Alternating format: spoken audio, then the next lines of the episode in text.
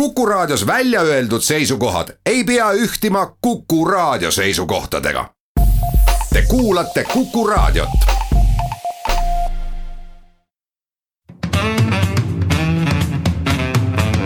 muuli ja Riikoja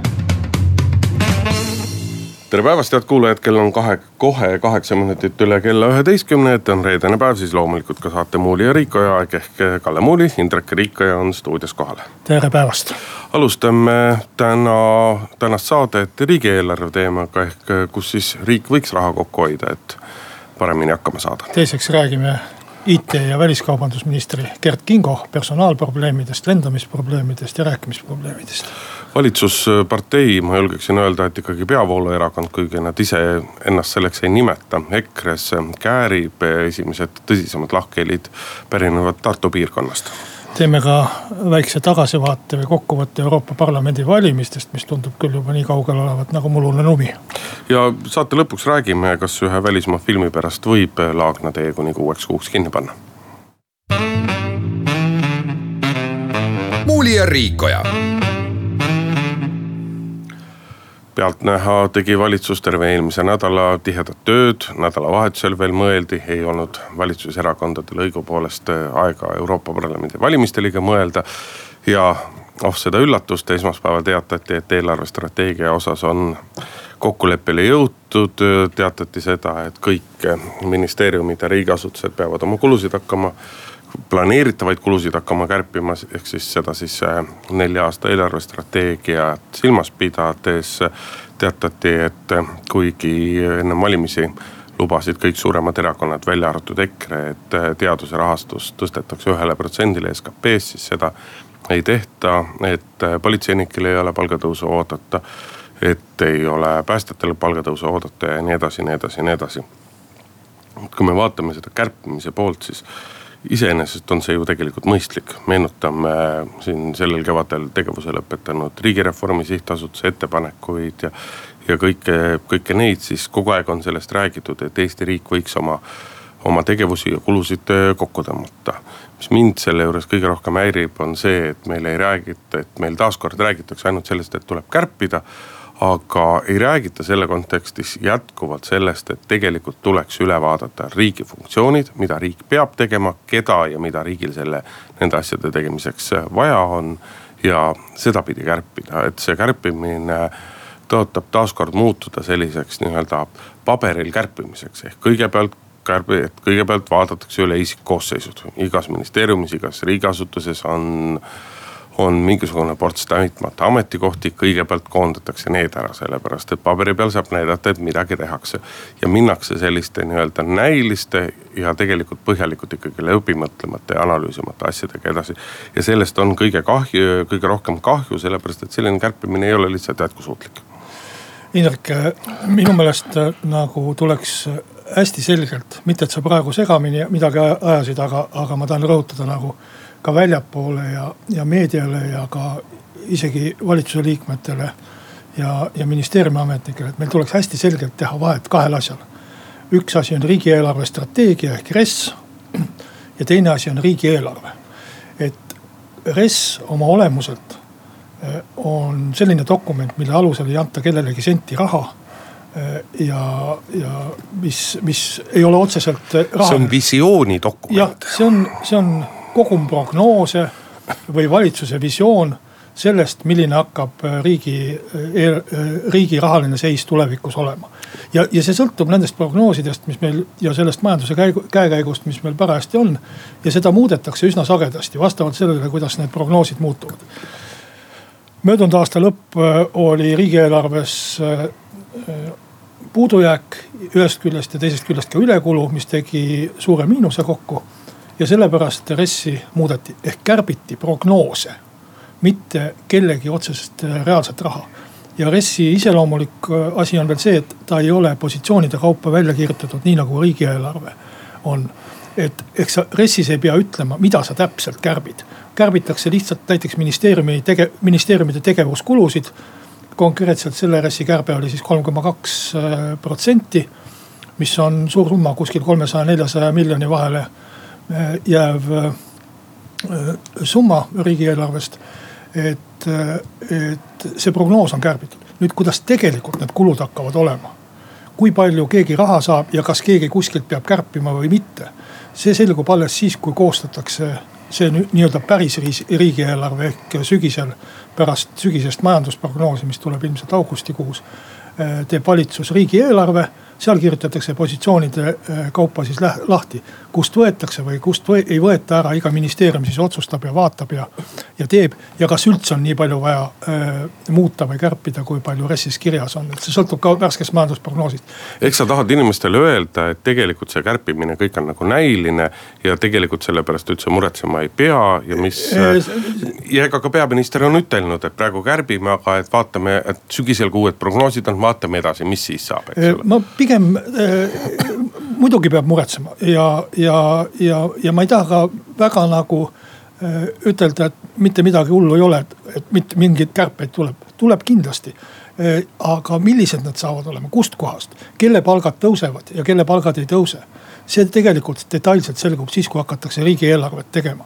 et praeguse selle RES-i pealt ei saa seda ütelda. Ja minu meelest ei ole ka praegu mõistlik nagu sellist paanikat külvata, et kelleltki võetakse mingi raha ära või kelleltki mingi raha ei tule. sa peaksid seda sellisel juhul peaministrile ja teistele ministritele ütlema, sest et nemad on tänasel hetkel külvanud seda paanikat, nemad on teatanud, et teaduse rahastamine ei suurene ühe protsendini SKP-st, et päästjate ja politseinike palgatõusu ei tule. Ja ja, ja, ja need on väga suured probleemid, et kõige rohkem on räägitud viimase nädala jooksul nii-öelda teaduse rahastamisest, mis loomulikult on halb, et teaduse rahastamine arvestataval määral ei suurene. ta pisut kasvab loomuliku kasvuga, eks ole. aga, aga nagu teadlaste esindajad on öelnud, siis sellest jagub hädapärast nii-öelda inflatsiooni inflatsiooni hüvitamiseks palkades, aga et meie teadus saaks areneda. aga no näiteks politsei ja päästjate palga, palga mittetõusmine on, on selles mõttes ikkagi väga, väga suur probleem, et, et need mõlemad organisatsioonid on täna juba silmitsi väga suure tööjõupuudusega. Meie noh, näiteks päästemeeskondade aastatega on pääste tuleõnnetusele välja sõitvas autos on nii-öelda ekipaaži liikmete arvu vähendanud ja nii edasi. ja need on olukorrad, et kui kui keskmine ministeerium peab äh, koondama kümme või viisteist protsenti oma töötajatest, siis ei juhtu selles ministeeriumis katastroofi. loomulikult on raske, aga katastroofi ei juhtu. aga kui tänasel hetkel tuleks, väheneks päästjate hulk äh, kümme, viisteist protsenti, siis see tähendab Eesti jaoks reaalset katastroofi, see tähendab reaalselt seda, et meil ei ole tuletõrjujaid, kes tulekahjusid kustutaksid, inimesi päästaksid ja kõike seda. Neid inimesi lihtsalt ei ole ja, ja, ja, ja selle taustal on on, on, on väga kummalised need signaalid, mida meil valitsuspoliitikud välja annavad. jah, sellepärast ma alustasingi, see on õige, et nad on öelnud seda. aga nad on öelnud seda RES-i kohta, mitte riigieelarve kohta. RES-i, nagu ma rõhutan ei maksta ühtegi senti raha mitte kellelegi. vaata, mina saan sellest aru, sina saad sellest aru, meie siin raadios saame sellest aru. tavaline inimene ei saa sellest aru ja, ja tavalisele inimesele ei ole suutnud poliitikud ka mitte kuidagi seda niimoodi kommenteerida. ka tavalised päästjad, ka tavalised teadlased ei saa sellest niimoodi aru. see, ma pean ütlema üht-teist ka valitsuse kommunikatsioonibüroo kohta et vahel ma olen öelnud siin, et ajakirjandus on mingisuguse vindi kuskil valesti keeranud või, või millestki valesti aru saanud. siin praegu, eriti selle teadusraha tõstamise teema juures, on küll see olnud, et valitsuse kommunikatsioonibüroo on ikka täielikku ämbri pannud. et mina näen ju valitsuse materjale ja otsuseid äh, enne, kui need jõuavad meediasse. ja kui ma lugesin meediast äh, seda, mida kommunikatsioonibüroo oli teatanud teaduse rahastamise kohta, siis ma ei saanud mitte midagi aru Äh, valitsus tegelikult otsustas, et äh, rahastamine äh, protsentuaalselt SKP-sse ei vähene.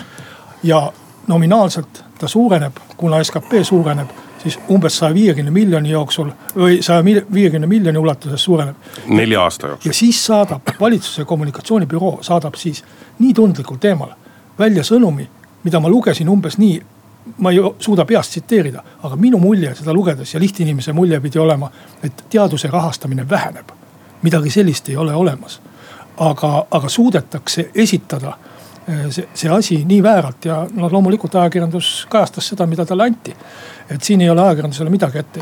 no aga vaata, aga, aga, aga kui me sisuliselt see... võtame, et kui kasv on nii palju, et suudab natukene, eks ole, inflatsiooni palkadesse kärpida äh, või palkadesse nii-öelda hüvitada, aga mujal kuskil midagi vastu äh,, täiendavalt kulutada ei saa, siis ega sisuliselt see tähendabki vähenemist. sisuliselt see tähendab sellepärast, et ega siis kõigile teadusasutustele nii-öelda tööjõukulud on ainult üks osa sisenditest, aga teised sisendid ju kõik äh, kasvavad ja kallinevad, et kui, kui nende jaoks raha juurde ei tule, siis sa saad järjest vähem ja vähem ja vähem teha. ei no raha protsent jääb samaks SKP-st, aga äh, ka sellest tahan ma ütelda, et see on, see on riigieelarve strateegia täiesti võimalik, et äh, riigieelarves leitakse äh, rohkem vahendeid ja rohkem võimalusi.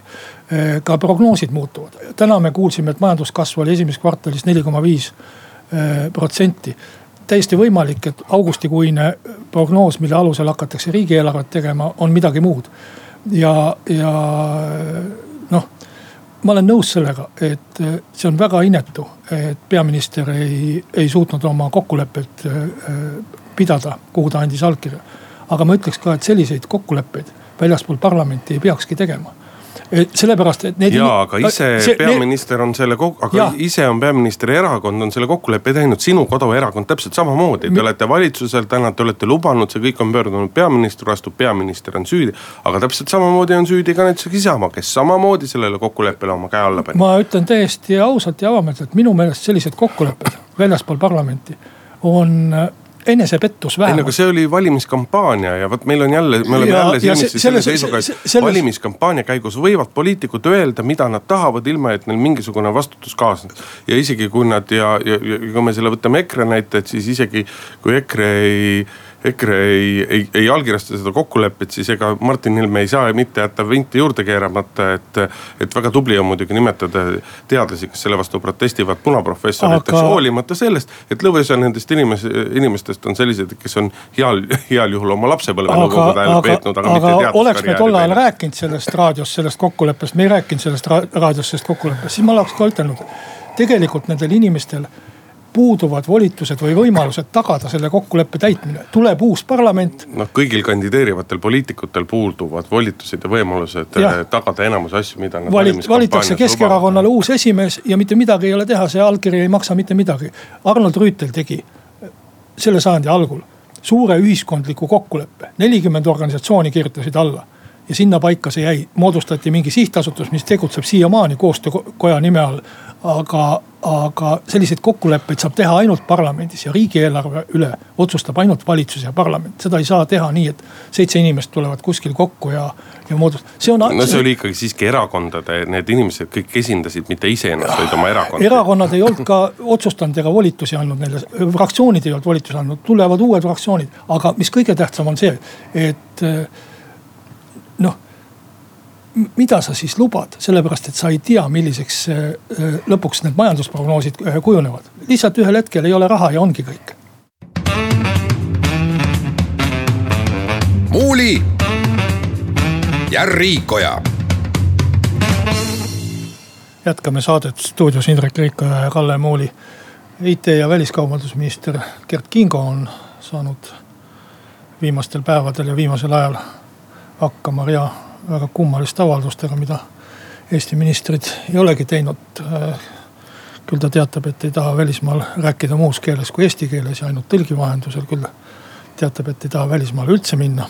ehkki, ehkki tema ametinimetuseski on sõna välis, välis sees, et no aga... tegelikult on olukord, kus ma kutsun sinu siia saatejuhiks ja sa teatad, et ma tulen. ei taha, ei taha rääkida. et ma tulen saatejuhiks küll, aga tööd ma ei tee ja rääkida ma ei kavatse. rääkima ei kavatse ja kui räägingi, siis räägin näiteks ainult äh, kasahhi keeles ja. või midagi sellist äh, aga no., aga noh, tegelikult, tegelikult meil on tõsine saade ja, ja ma ei tahaks väga-väga äh, hilkuda, et rahva omakaitse ja muud sellised variandid võiksid seda käsitleda pikalt ja põhjalikult, aga, aga ma ütleks kahte asja selle asja kohta.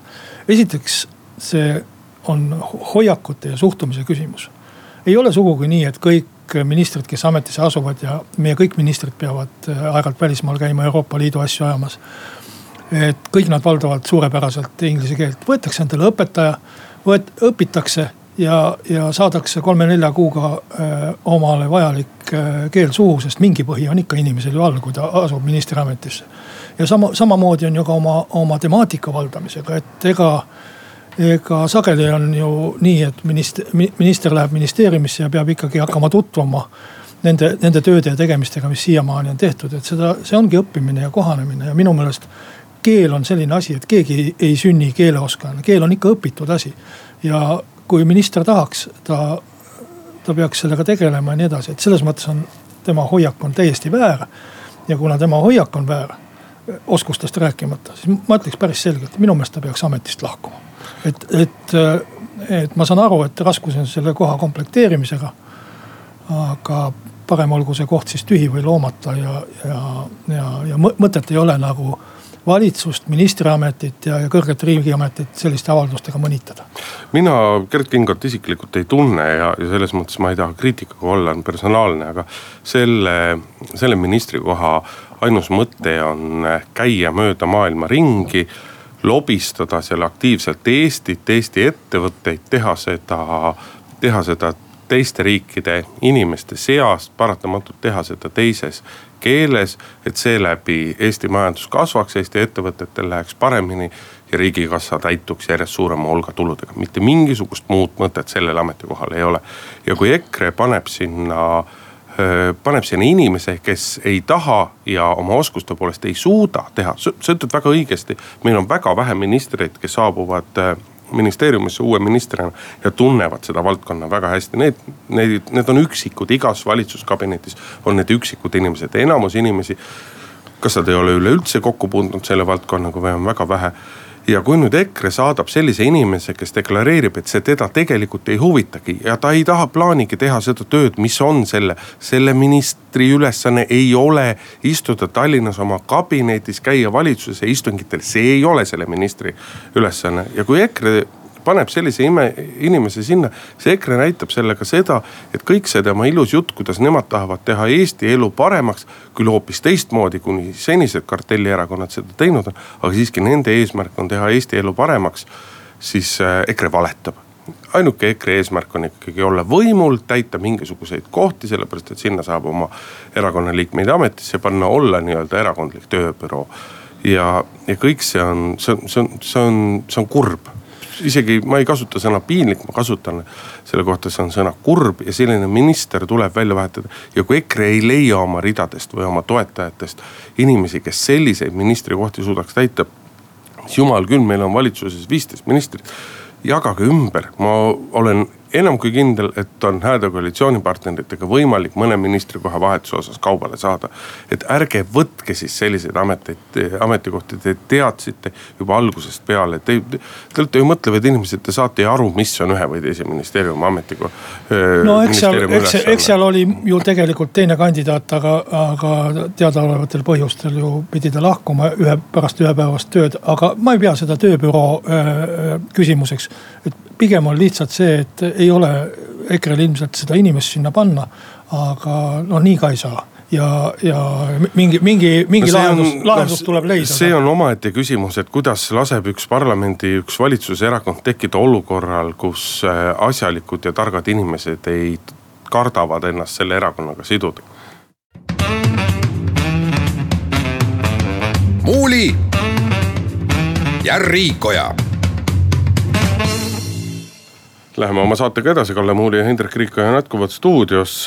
EKRE-s on toimumas äh, pereheitmine, Tartu piirkonna juht, äh, sealse riigikogu valimistel üks tugevamaid häältemagneteid äh, nii-öelda visati erakonnast välja ja kui lugeda seda avalikku kirja, mis ka kõigis meediaväljaannetes avaldatud sai, millega Mart Helme põhjendas pärast juhatuse koosolekut sellist sammu, siis ega sealt ausalt öeldes midagi nii-öelda nagu välja ei tule, et ega see kiri ei selgita, seletav kiri ei selgita tegelikult mitte midagi.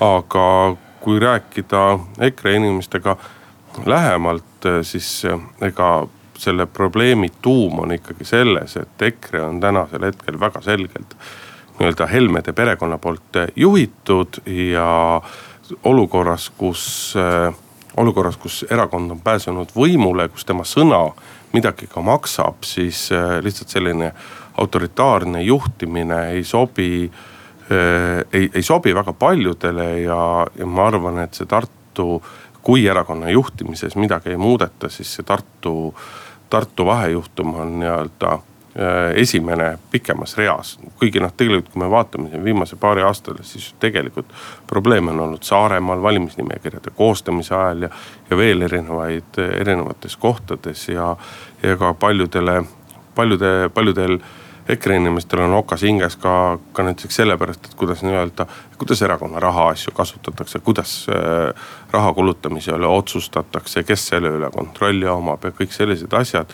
Ja olukorras, kus äh, nii-öelda raha tuleb nüüd tänu paremale positsioonile riigikogus järjest rohkem peale, siis neid pingeid hakkab järjest rohkem kogunema.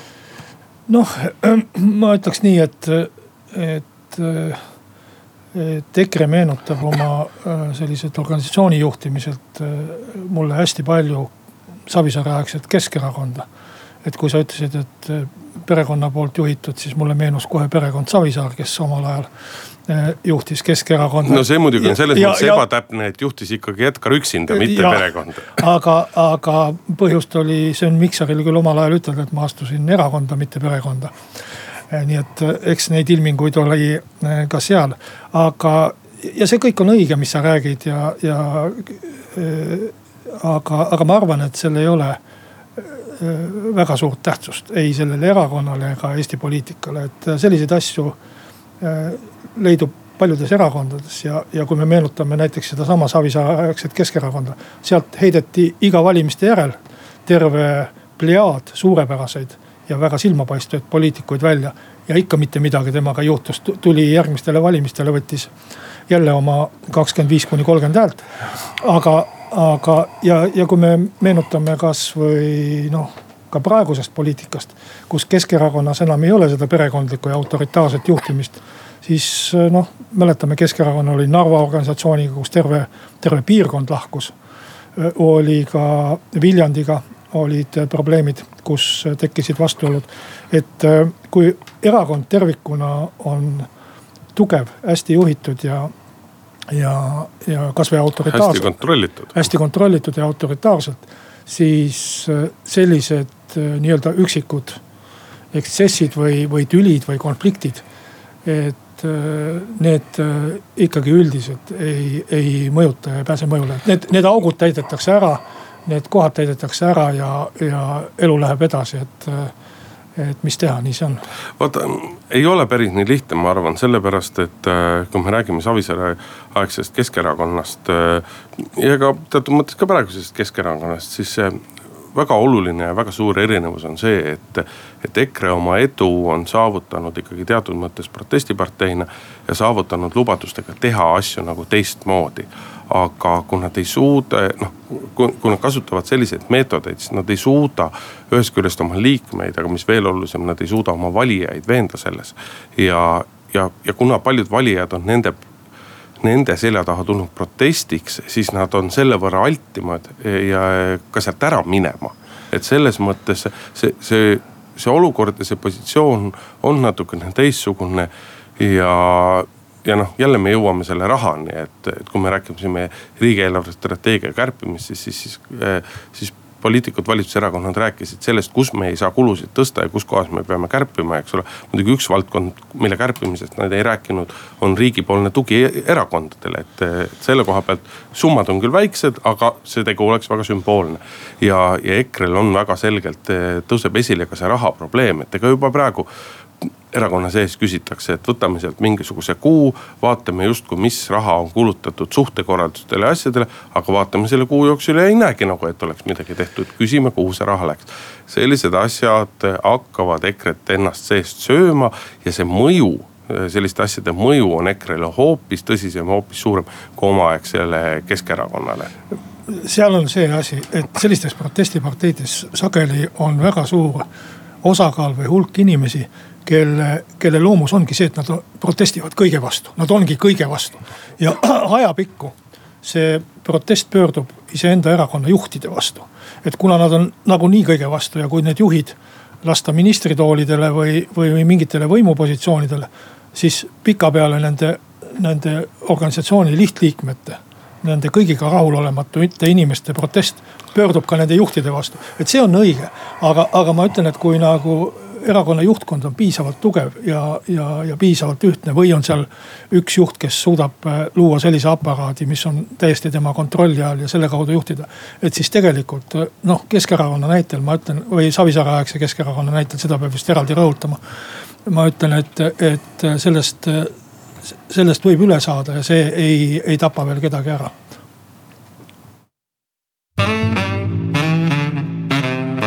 Muuli ja Riikoja. Jätkame saadet äh, põgusa meenutusega siis Euroopa Parlamendi valimistest. Äh, noh, tegime ka siin ennustusi, milles äh, ma eksisin eriti suurelt osavõtuprotsendi osas aga ma arvasin tõesti, et see konflikt või väärtuskonflikt, mis ühiskonnas oli olemas ja mis tuli eriti selgelt esile riigikogu valimiste ajal et see toob ka Euroopa Parlamendi valimistel rohkem inimesi välja, kuna seesama väärtuskonflikt on olemas ka Euroopas. Eh, ütleme siis populistide ja liberaalide või, või, või parempoolsete ja konservatiivide ja liberaalide vahel. aga tegelikult Eestis jäi ikkagi see protsent täiesti, täiesti armetuks, nii nagu ta ka oli eelmiste valimiste ajal.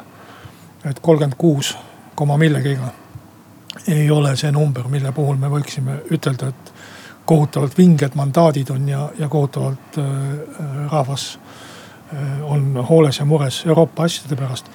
ja, ja eks ma arvasin ka seda või lootsin seda, et sotsid ikkagi ei võta kahte kohta ja, ja et see kuues koht tuleb äh, Isamaale. no palju sealt puudu ei olnud, iseenesest Riho Terras tegi väga hea tulemuse isegi isegi parema tulemuse, kui ma oskasin ette kujutada.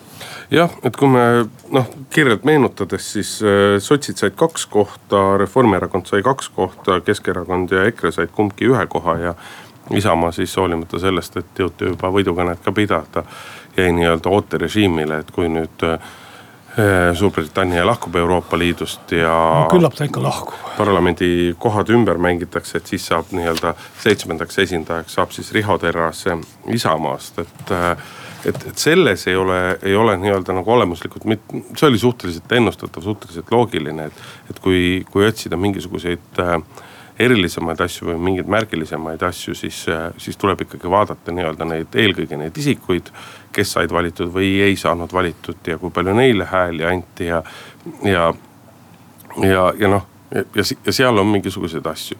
no Marina Kaljuranna nii suuresse edusse mina ei uskunud, aga, aga tuleb välja, et ikkagi noh, toetus üle kuuekümne tuhande hääle, see toetus on, on, on ülisuur ja, ja ta sai teatud mõttes revanši presidendi, presidendivalimistel.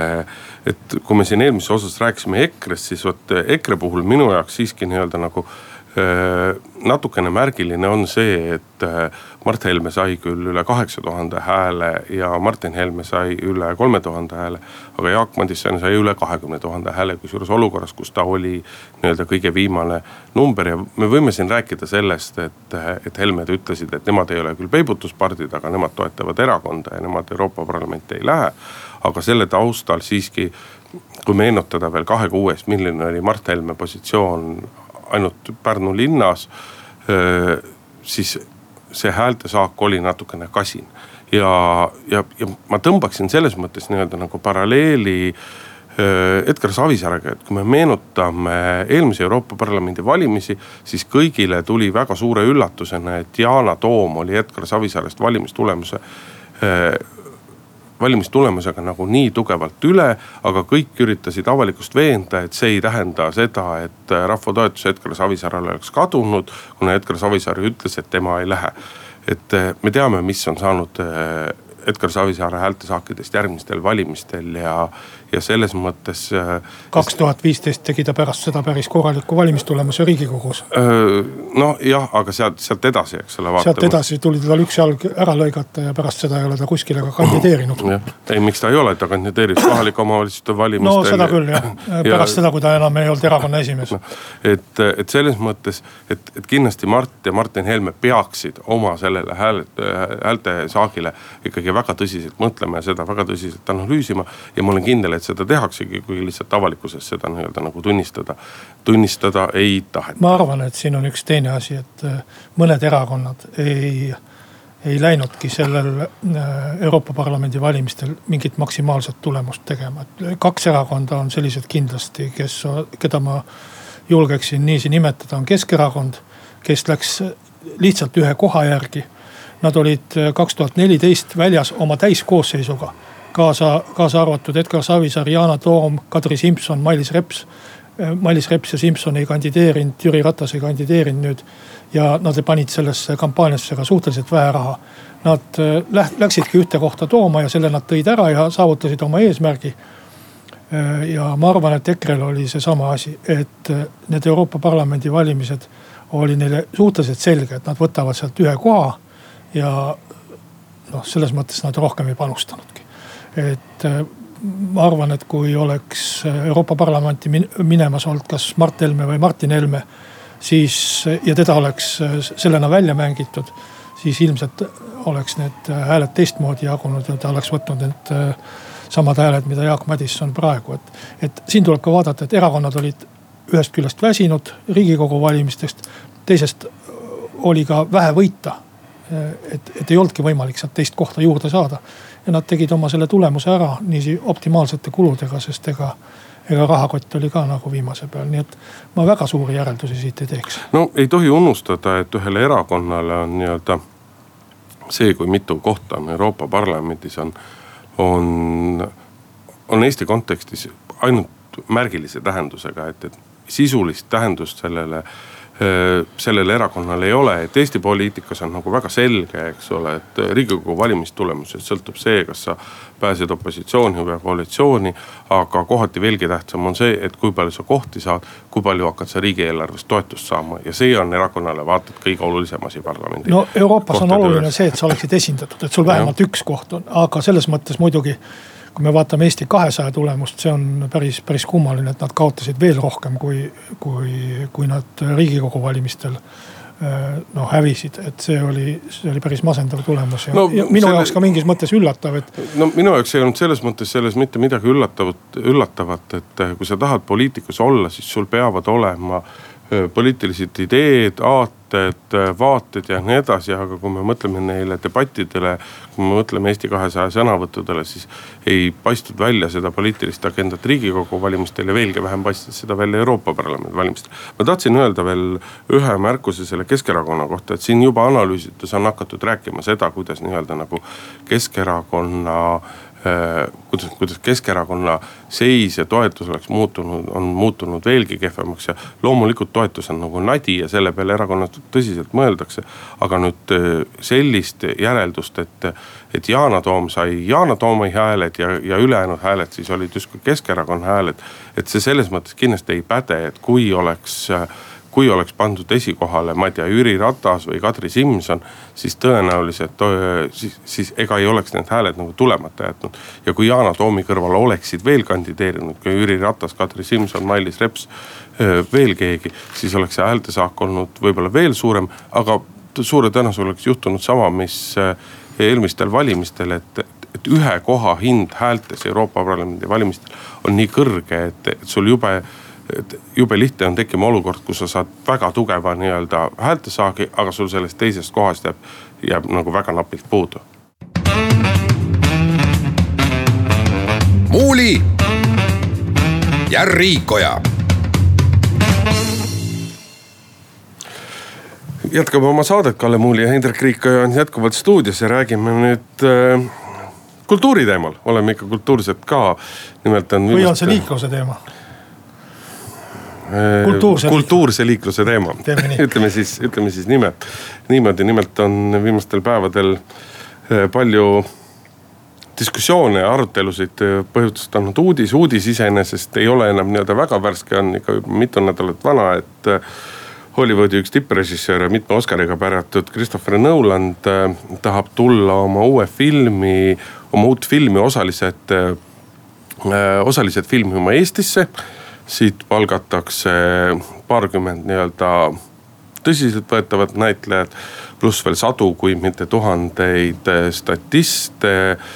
ja kõige selle käigus tahetakse kuni kuuks ajaks sellel suvel sulgeda, vot me päris täpselt ei tea, kas siis nüüd täielikult või osaliselt Lasnamäe kanal ehk Laagna tee ja selle, ja selle selle uudise taustal ongi siis nii-öelda nagu üles kerkinud küsimus, et kas, kas mäng on neid küünlaid väärt no eks äh, see ole üks selline teema, kus äh, iga inimene on spetsialist. kõigil on oma arvamus. me ju teame täpselt, kuidas teha tippfilme, mida miljonid inimesed vaatavad, millele auhinnad säravad ja nii edasi. ja, ja teisest küljest, eks ta ole ka selline teema, mis, mis või mis sarnaneb nendega, kui keegi tahab midagi kuhugi ehitada, olgu see siis kanala või tselluloositehas. siis on terve hulk inimesi, mis, kes on nagu automaatselt kohe vastu, et seda ei tohi mitte kuhugi teha, see on nii halb asi.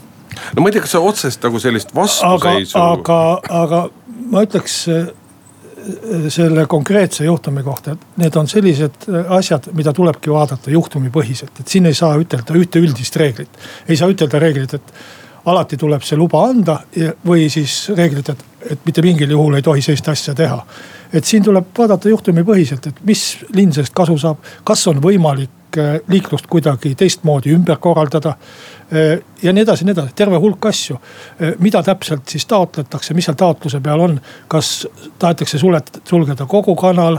kas, kui pikalt teda tahetakse sulgeda, kuidas saab ümbersõidud ja, ja, ja, ja kui suurt pahandust see toob ja kui suurt tulu see toob, kõike seda tuleb kaaluda.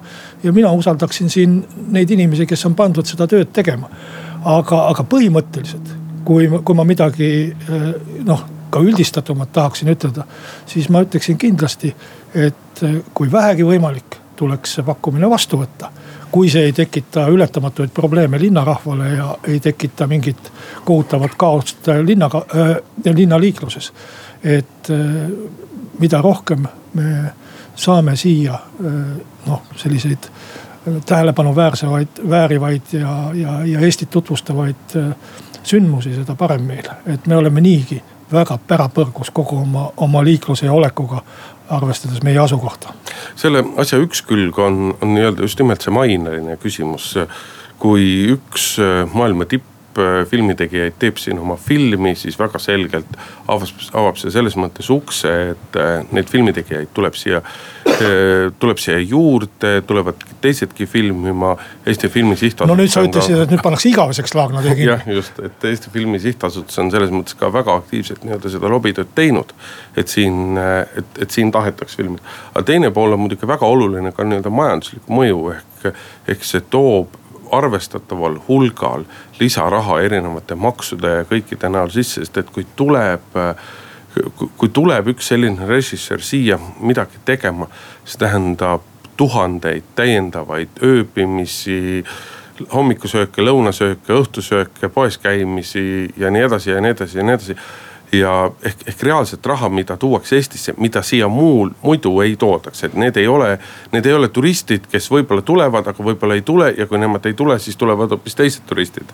et see päris nii ei käi, et see on ka nagu majanduslikus mõttes äh, väga oluline asi äh, riigimajanduse seisukohast ja, ja, ja, ja meie ühiskonnas loomemajandus kui selline on järjest olulisemat nii-öelda rolli majanduses võtmas, et selles mõttes äh, kui vähegi võimalik, muidugi jah, meil on praktiline küsimus selles Ahtri jõe tänava remondis, mistõttu nii-öelda üks tee Lasnamäelt äh, kesklinna on juba, on juba suveks nii-öelda halvatud, et kui me nüüd teise veel kinni paneme milline see mõju on, no mina ei oska öelda nii-öelda. Tavalise liiklejana ma võin küll öelda, et suvel on on Laagna tee tunduvalt hõredam, et eks ole, tipptunnid on palju lühemad ja autosid on vähem. aga kuidas see tegelikult on, e-, ega ma ju päris täpselt ei tea. et selles mõttes ma loodan küll, et linn nii-öelda ikkagi väga tõsiselt kaalub ja teeb nii-öelda nagu mõistliku otsuse. ja siis peaks ka rahvale selgitama, juhul kui see otsus on sulgeda, et, et mismoodi siis saab, kuidas saab ja milline see linna ja linnarahva suur tulu siis on. jah, ja noh, väga õige muidugi, mida Edith Sepp eile rääkis ka, eks ole, et eks siin üritatakse leida nagu selliseid äh, väikseid äh,, väikseid rosinaid ka, kuidas kuidas nii-öelda rahva, rahvasleplikkust tõsta Lasnamäe inimestes, eks. paistab, mis sellest asjast saab, aga tõmbame tänase saate otsad kokku. Kalle Muuli, Hindrek Riik olid stuudios ja nädala aja pärast kuuleme jälle. muuli ja Riikoja